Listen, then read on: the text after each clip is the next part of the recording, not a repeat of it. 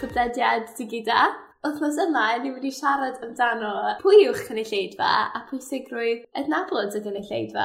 Ie, yeah, top gen fawr ar gyfer unrhyw beth, really, ynddo fe. Busnes, gwefannau, marchnata, hyd yn oed os ti'n mynd lawr mor isel a fesol platform. Ie. Yeah. So, so Catrin, pwy yw'r cynulleidfa? am gwestiwn.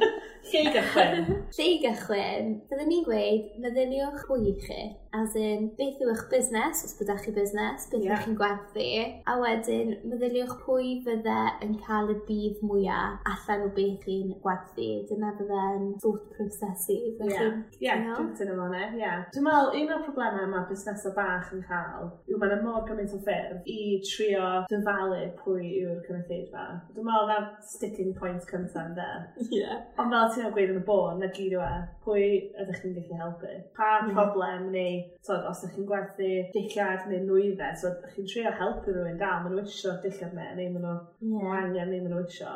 Chi dal yn trio solfio problem. Fi credu problem ni'n dod ar draws yn rhy aml o syndro fi yw, ond mae pawb yn gynnu lleidfa i fi. Ie. Yeah. A ti'n falle, ie, yeah, na, na, no gwaith. Cytuno. a falle bod hwnna'n gywir. Dwi wedi cael, mae gennau un client lle maen nhw wedi dweud, ond mae'n amhosib achos mae pawb yn, yn cwsmer. So dwi wedi trio bod o lawr i, rei, pwy dyn ni'n targedu ar Facebook, pwy ni'n targedu ar Instagram, mm. pwy ni'n targedu ar Twitter neu bynnag. Achos mae'r demograffic yn gwahanol. So dyna'r pwysigrwydd o dall pwy yw'r cynulleidfa, achos mae'n newid ffordd ti'n neud y marchnata, neu yeah. lle ti'n marchnata. So tro nesaf mae mm. rhywun yn deith ti fy pawb. dyna, dyna beth dwi'n deith nhw, fel iawn y ca, mae'r job yn mynd i bod yn anoddach nawr. Torwch y lawr fesur platform. Ie, yeah, ie. Yeah. Ond y ffordd fi'n edrych yn fe, os bwch chi'n gwybod yn um, eitha gadarn yn eich meddwl meddwl chi, pwy yw eich fel cynulleidfa darged. Wedyn, mae jyst lawer hawsach, achos chi'n gwybod pa platform chi angen bod arno. Yeah pretty much. Yeah. Achos mae pob un age demographic, mae'n yeah. gyd mynd i fod yn wahanol ar pob un platform. A hefyd, fi'n gweud wrthych chi flaen, amser ni'n meddwl amdano fel ein cwsmeriad ni, fi'n mewn i'r sôn yn dyfynnu pwy fi'n trefnu chlat ar y pryd. A fel yna fel, pwy nhw'n cleentiaid ni ar hyn o bryd, maen nhw'n creu caws ac yn gwerthu caws. A wy jyst yn ymhenni fi'n a fel channel your inner fel proud godmother fi achos mae fi'n joio cheese night. a fi fel, pa fath o fel marchnata a fydden y penio yeah. iddo fi. Pa fath o marchnata fydden y penio i mam, achos amser mae ffrindiau mam yn dod yn, yn arbennig, ni'n cael lot o fel cheese and wine night pryd ni. Ie. Yeah. A dyna'r peth yn really fel, dwi'n wastad yn teimlo mae hwn jyst yn elfen arall i'r busnes. A i'r raddau mae fe'n elfen lle mae pobl fel, wel, da ni'n gwybod pwy yw'r cynulleidfa, neu da ni'n angen gwybod. Yeah. Ond mae be yn union ti'n ei nawr, hwnna yw, dach y cynulleidfa, ti'n mynd i wneud pob dim yn mwy effeithiol, ynddo? Yeah pwynt ni marchnata'r caws mewn ffordd sydd yn targedu pobl sydd, sydd ddim eisiau fo, neu methu fforddio fo, neu yeah. ddim yn rhan o bywyd nhw. So, fel ti'n, so, bydde ti'n probably gweud be, mae pobl dros yr oed yna 30, really? bod ti'n fangach na hwnna. Tod, mae fe'n mynd i bod fel dinner party kind of yeah. peth yn dweud, e? caws artisan ma. Fel bydden ni amser yn ysgol hyd yn oed yn chweched, so bydden ni fel deunaw ar y pryd, bydden ni ddim yn mynd allan o ffordd i prynu caws. Na, ddim yn nawr, mae fe fel yn rhywbeth essential, os dwi'n fy ffrind yn draw, dwi'n fel dweud, dwi'n angen cnau posh, olives a caws. Tod, so mae'n mynd i o'r trwy'n i'n neu medina neu pwydyn neu rhywle fel yna. Dyna beth yw i wedyn, achos chi'n fel y ffram wedyn o bod fel, bod siwt allai targedu'r pobl yma. Yeah. Achos fydde dim pwynt i ti bod yn sefyllfa na, bod fel mae pawb yn gynnu lleidfa i, i fi, siwt na i targedu yeah. pobl deunaw neu pobl sydd yn coleg neu'r brifysgol, yeah. achos o reidrwydd na fel, ie, yeah, mae da chi rhai sydd yn rili really joio caps, ond yeah. mwyafrif ddim yn fod yn yeah. A dyna'r peth, ne, canolbwyntio ar y mwyafrif mm. o'r cynulleidfa chi, yn lle trio mynd am pawb. Yeah. So fel, y rhai sy'n wastad yn prynu prynu. So, bonus os mae pobl arall yn prynu rili yn dan, ond leia chi'n targedu rhywun. Dwi'n wastad yn gweld hefyd, complete opposite o um, pawb yn gynnu lleid mae fi. Mae gymaint o pobl, o, dim ond, dim ond pobl lleol fydde gyda diddordeb achos maen nhw'n gwybod pwy ydw i. Fi'n a fel na, chi fel yn limit o'ch hynna'n gymaint yeah. yna. Yeah. Ond falle fel seirwydd unigolion yw hwnna wedyn ddwn, cydnabod pa mor dda yw i cynnig nhw, neu gwasanaeth nhw. Neu y potensial i nhw cyrraedd mwy, really. Ie. Yeah. Un o'r pethau dwi'n gweld yn aml, mae pobl, fel os ti'n mynd i rhyw fath o gwebinar lle mae rhywun yn awgrymu y ffyrdd, y dill yma o creu cynulleidfa, a dwi'n cysau hwn achos dwi'n jyst yn meddwl bod o'n rhy gyfyng, lle mae rhywun fel rei, gyma llun o'r avatar. So, iawn, yeah, oce, okay, so mae'r cynulleidfa dwi eisiau targedu um, enw hi yw Angela, mae'n 43. mae ddim yn licio gwisgo trainers, ond mae'n licio gwisgo y fath yma sgidiau. Mae'n hoffi mynd am coffi ar bore dy sam. So, a mae'n really drywyr. A dwi jyst yn teimlo, o ran gweithio gyda busnes y bach, ti'n gallu canolbwyntio gormod ar y manylion. Yeah. Ti'n canolbwyntio bron mor gymaint, ti'n anghofio am pawb arall. Yeah. Ac am y marchnata. Achos ti'n just fel sut allai cyrraedd Angela. So yeah. iawn, be am pawb sydd yn Perdy. Yeah. Neu pawb sy'n yn lyfo mynd am coffi barod yn sarw. So, ie, yeah, mae'n ffyrdd gwahanol does. So, trio... Yn bendant. Dwi'n fyny efo'r cynulleidfa yma. A wedyn, mae gyda ni client arall sydd yn holiday let. Yeah. Ond mae gyda nhw mwy nag un fath o cynulleidfa maen nhw am targedu. Yeah. Mae gyda nhw tri fel segment gwahanol, ond mae'n gwybod yn bendant y gwahanol gwahaniaethau rhwng y tri math o grwpiau maen nhw am targedu. Ddech chi syni faint mae'n helpu gyda'r marchnata? Ie. Yeah. Maen nhw wedi bod yn rei cadarn a glir o'r cychwyn yn do. Do. Maen nhw'n gwybod yn union pwy maen nhw'n treu aros efo nhw. Ie. Yeah. A pam bron o fod. Ie. Yeah. Cos mae lot o fo'n dibynnu ar be maen nhw hefyd cynnig hefo'r tŷ. Ie. Yeah. So, sut fydde ti'n cychwyn hefo pleiant newydd dod trwy drws a ti'n gofyn nhw pwy yw'r cynulleidfa a maen nhw'n gweud, o, dwi'n gwybod. Be fydde ti'n neud? sut fydde ti'n awgrymu bod rhywun yn cychwyn yn trio feddwl am y target? Bydden ni'n holi iddyn nhw beth yw'ch cynnig chi, beth yw'ch cynnyrch, beth yw'ch gwasanaeth, yeah. a beth ych chi'n gweld fel yr USBs, fel beth yw'r bydd ohono fe. Ac fi'n teimlo o fel y be bynnag yw'ch USPs chi neu'r bydd specific yn gallu dysgu lot am beth sydd gyda chi i gynnig Yeah. A wedyn trio meddwl, fel mae den denu rhai cleintiad yn dod trwyddo, a maen fel, ti'n mo be, wi dim ond eisiau bod ar y platfform yma. Yeah. So wedyn, trio meddwl, ce, okay, ma'ch cynulleidfa chi gwrtho ar y platfform chi wedi dewis. Mae'n siwr allwn ni targedu hwnna yn bendant, ond yn Ie, fi'n credu jyst cael fel clear vision o beth sydd gyda chi i gynnig. Ie. Yeah beth yw'r nawdd penodol, a wedyn o hwnnw chi'n gallu gweithio mas fel rhain yw eich target audiences chi. Siwt allan ni dargedu hwnna, ond mae'n dibynnu So fel, this is a scenario question. yeah. Daniel, so Hypothetical. Hypothetical. yeah fi wedi cael cwpl o pobl dwi wedi siarad dros y blynydde, achos dwi'n gwneud y mentorau efo Business Wales, lle mae pobl fatha di creu busnes a wedyn heb really ystyried o gwbl y cynulleidfa, ac amser ti'n gofyn nhw, be, be ydych chi'n cynnig, beth sy'n gwahanol, beth yw'r USP, dyn nhw'n gwybod. A weithio dwi'n cael, dwi wedi cael un neu dau dros y blynydde, lle it's just yn gweld o'n meddwl, ie, yeah, dwi'n wedi meddwl am hwn cyn actually cychwyn y busnes. O, mae'n stressful. Ydy, ie, mae'n eitha stressful. Cos bydde ti'n lic o meddwl, mae rhywun yn cychwyn busnes am rheswm. Ie. Yeah mae yna gap yn y farchnad ar gyfer hwn, neu mae yna lot o bobl yn holi am hwn, neu rhywbeth. Ie. Yeah. Ie, yeah. mae'n eitha sgeri bod ti erioed wedi cysidro y cynulleidfa fel gwbl. Ie, yeah, yn wedi cyn bod chi'n rhoi arian mewn i yeah. neu actually yeah. set o fe fyny. Neu hyd yn oed ddim yn neud yr ymchwil o'r cychwyn, oes na rhywun arall yn neud hwn, neu ydy pobl really yn gofyn am hwn. Ond dim ond un neu ddau dros y blynydde.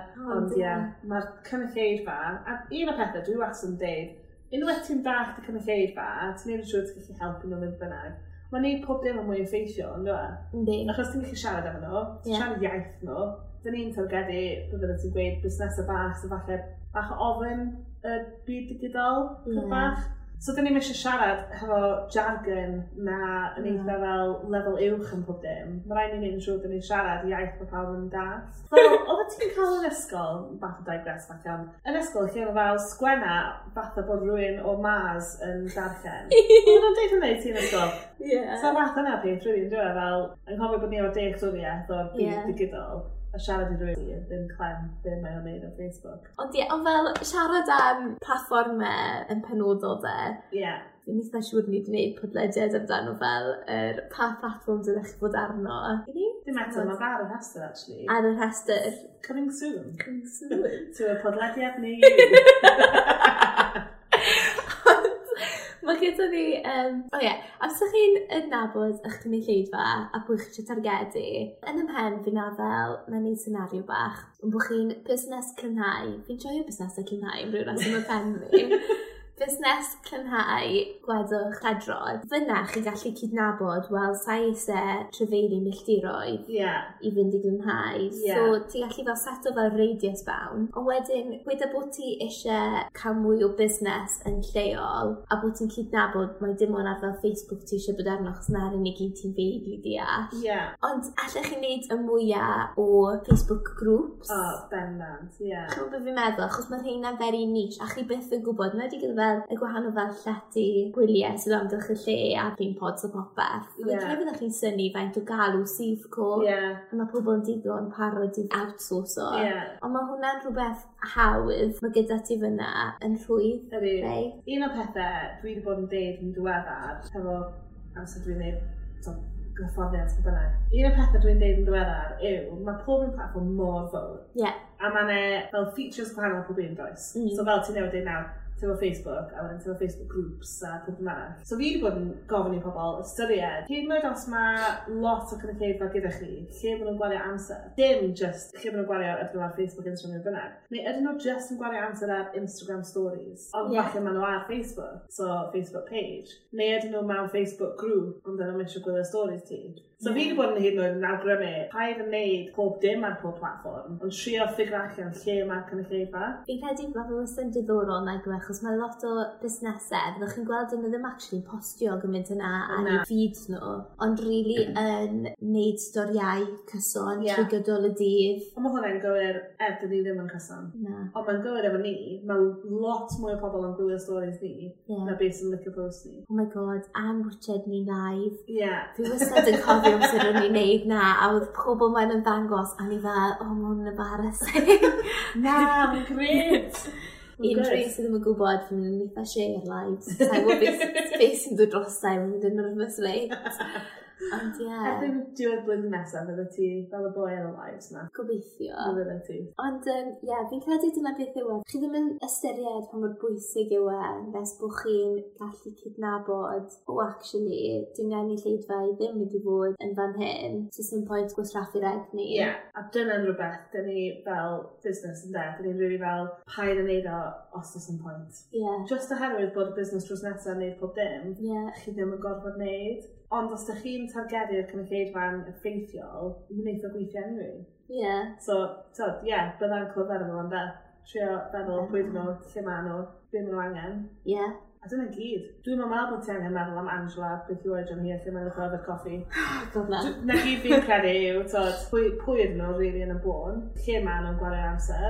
Ie. Yeah a sut ydych chi'n gallu helpu nhw. A fi'n credu fyddech chi'n syni amser chi'n dechrau meddwl am pwy yw'ch cynulleidfa target chi. Fyddech chi'n probably yn eich meddwl fel, o, oh, mae so-and-so fel e, yn a siwt allai wedyn targedu nhw, yeah. yn nabod yeah. nhw. A fel, os ych chi'n adnabod rhywun sydd yn cwmpo mewn eich target audience fel oedran neu demographics dy bethau, allech chi'n rhoi gofyn iddyn nhw yeah. bod fel, falle bod hwn ddim o rhydrydd o diddordeb i ti. Yeah. Mi'n credu rhywun fel ti fyddai'n yn hynny yeah. lleidfa i. Bendant lot i feddwl am, ond dwi wastad yn keep it simple.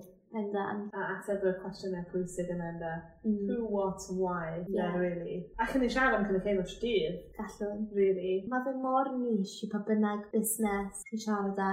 Yeah. Ni byth yn cael busnesau neu ceinted yn dod at ni. A ti fel, oh great, mae cymryd lleidfa chi yn union rhi fath a sy'n Oh gosh, yeah. Dwi byth yn digwydd. Wastad yn gwahanol. Yeah. Ond yn yr un modd wedyn, mae'r ffordd i chi'n marchnata atyn nhw. Falle bod byddwch reels neu stories neu bydd bynnag yn gweithio să înrelicră good ar gwer un, ond yeah. neitha byth e weitho i rhai eraill. Na. Just achos hwnna rhywbeth eto, dwi was yn deud amser dwi'n neud gweithdi, achos dwi ddim eisiau pobl mynd i ffwr a bod fel, o mae Ceri yn licio Facebook a Instagram a Twitter a TikTok pob dim, a mae hi'n awgrym yn neud hwn, hwn, hwn a hwn. A dwi wastad fel, chi sy'n nabod eich busnes ac yn y lleid chi. Yeah. Achos chi siarad chydig bach fi am 30 eiliad, ond dwi'n mynd i dysgu digon o gwbl i roi'r cyngor gywir. Na. Only you sy'n gallu gwneud y decision yna. There's never a wrong answer. Na, na, does o ddim. Cedi na beth yw fel yr ofan mwyaf yw beth os ydw i'n targedu'r person wrong, ond dwi'n be, fel chi'n gweud, chi sy'n nabod yeah. y pobol gorau. Yeah, so, yeah. realistically, ti ddim mynd i targedu'r pobol wrong, achos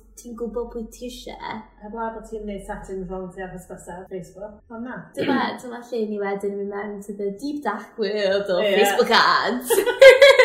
podlediad uh, rhywbryd arall dwi'n meddwl, hysbysebion. Yn bendant. Rwy'n neud really. ie. Gwych. Bendant. Ond os byddech chi unrhyw cwestiwn, a croeso chi'n sgeri neges. Ie, bendant. Cod chan ffôn. Ni wastad mai fel trio helpu best i can. Ie. Yeah. So ie. Yeah. Far iawn, diolch yn gwrando. Nen ni gweld chi rhywbryd o. Ta-da! Da chi wedi bod yn gwrando ar bodlediad digida yn dod i chi gan Gwe Camren Web Mae gwe Gwekamra Web yn asiantaeth marchnata digidol sy'n arbenigo mewn gwefannau a marchnata digidol yn dwyieithol. Os oes angen gennych chi gael presenoldeb ar-lein yn Gymraeg, gysylltwch heddiw drwy fynd i'n gwefan cambrianweb.com. Diolch eto am rando. Bydd penod arall y digida yn dod wythnos nesaf.